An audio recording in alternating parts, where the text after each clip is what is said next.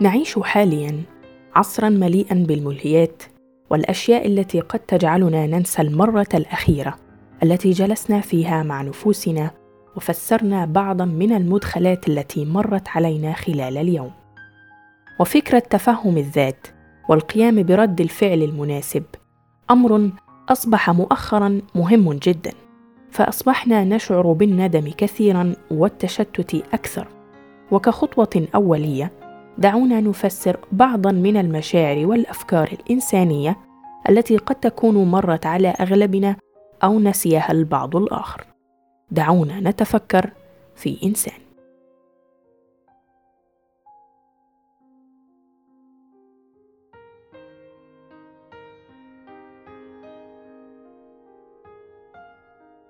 أهلا وسهلا بكم مستمعينا الكرام في الحلقة التاسعة من إنسان. وهي الحلقة الرابعة والأخيرة من السلسلة الخاصة بشهر رمضان المبارك تحت عنوان السر. تحدثنا في الحلقات السابقة عن الكثير من الخبايا المتواجدة في أعماق النفس البشرية كالعقل الباطن واللاشعور ومصطلح الظل، ولكن اليوم سنتحدث عن شيء مختلف، عن سر تناوله الكثير من علماء النفس على مدى عدة قرون. فما هو هذا السر تابعونا في تجربة أخيرة غير علماء النفس في جامعة ييل أحكام الناس على شخص غريب عن طريق تسليمهم كوبا من القهوة. لم يكن لدى طلاب الكلية المشاركون في الدراسة آنذاك عن فكرة التلاعب بأفكارهم الاجتماعية. ففي طريقهم إلى المختبر اصطدموا بمساعد المختبر الذي كان يحمل كتبا مدرسية وحافظة وأوراقا وكوبا من القهوة الساخنة أو المثلجة وطلب مساعدة في حمل الكوب. كان هذا كل ما تطلبه الأمر.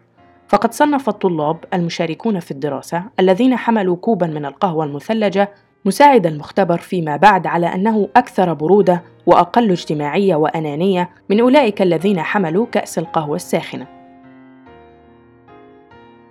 نتائج كهذه غير محتملة كما تبدو، ولكنها تدفقت في البحث النفسي على مدى السنوات القليلة الماضية، وهناك دراسات جديدة أن الأشخاص يرتبون بشكل أكثر دقة عندما يكون هناك القليل من سائل التنظيف في الهواء، أو يصبحون أكثر تنافسية إذا كانت هناك مثلاً حقيبة في الأفق، وأكثر تعاونية إذا لمحوا كلمات مثل يمكن الاعتماد عليه أو الدعم. كل ذلك دون أن تدرك هذا التغيير أو ما دفعه. يقول علماء النفس أن تحضير الناس بهذه الطريقة ليس شكلا من أشكال التنويم المغناطيسي بل هو عرض لكيفية قيام المشاهد والروائح والأصوات اليومية بتنشيط الأهداف أو الدوافع التي يمتلكها الأشخاص بالفعل. إن التبادل بين هذه الاختيارات اللاواعية وأهدافنا العقلانية الواعية يمكن أن يساعد في تفسير بعض الحقائق السلوكية الأكثر غموضًا، مثل كيف يمكننا أن نكون كرماء في لحظة وبخلاء في لحظة أخرى، أو نتصرف بوقاحة في حفل عشاء مثلاً بينما نحن جذابون للآخرين. عندما يتعلق الأمر بسلوكنا من لحظة إلى أخرى، فإن السؤال الكبير هو ماذا نفعل بعد ذلك؟ وهذا هو ما قاله جون بارغ أستاذ علم النفس في جامعة ييل والمؤلف المشارك مع لورنس ويليامز عن دراسة القهوة السابقة. وأضاف الدكتور قائلاً: أحياناً تتوافق هذه الأهداف مع نوايانا وأغراضنا الواعية وأحياناً لا تتوافق. في إحدى تجارب عام 2004 قام علماء النفس بقيادة أرون كي الذي كان في جامعة ستانفورد وقتها بجعل الطلاب يشاركون في لعبة استثمار فردية مع لاعب آخر غير مرئي.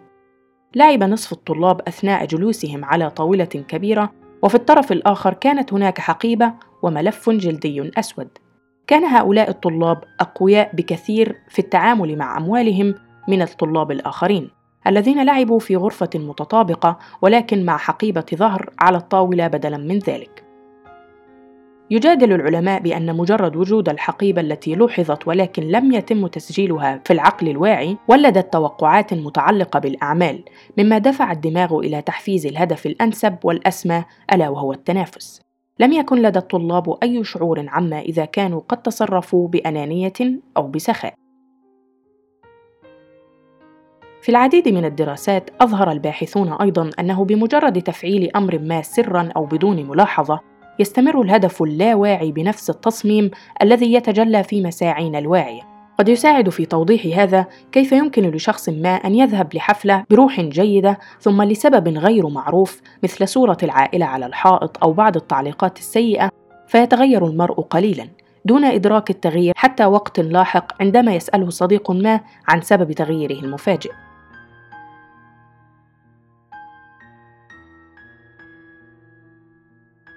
يوضح ما سبق أننا لسنا وحدنا. فيمكن أن نقول أن الإنسان عبارة عن شركة يرأسها شريكين اثنين واحد متمثل في العقل الواعي والآخر متمثل في شريك غير مرئي ولديه ردود فعل قوية حول العالم لا تتفق دائما مع نفوسنا وهو العقل اللاواعي ولكن هذه الأفعال الغير واعية التي تظهرها هذه الدراسات بوضوح على الأقل من المحتمل أن تكون مفيدة ومنبهة للآخرين وفي نفس الوقت يمكن أن تكون مدمرة للبعض الآخر.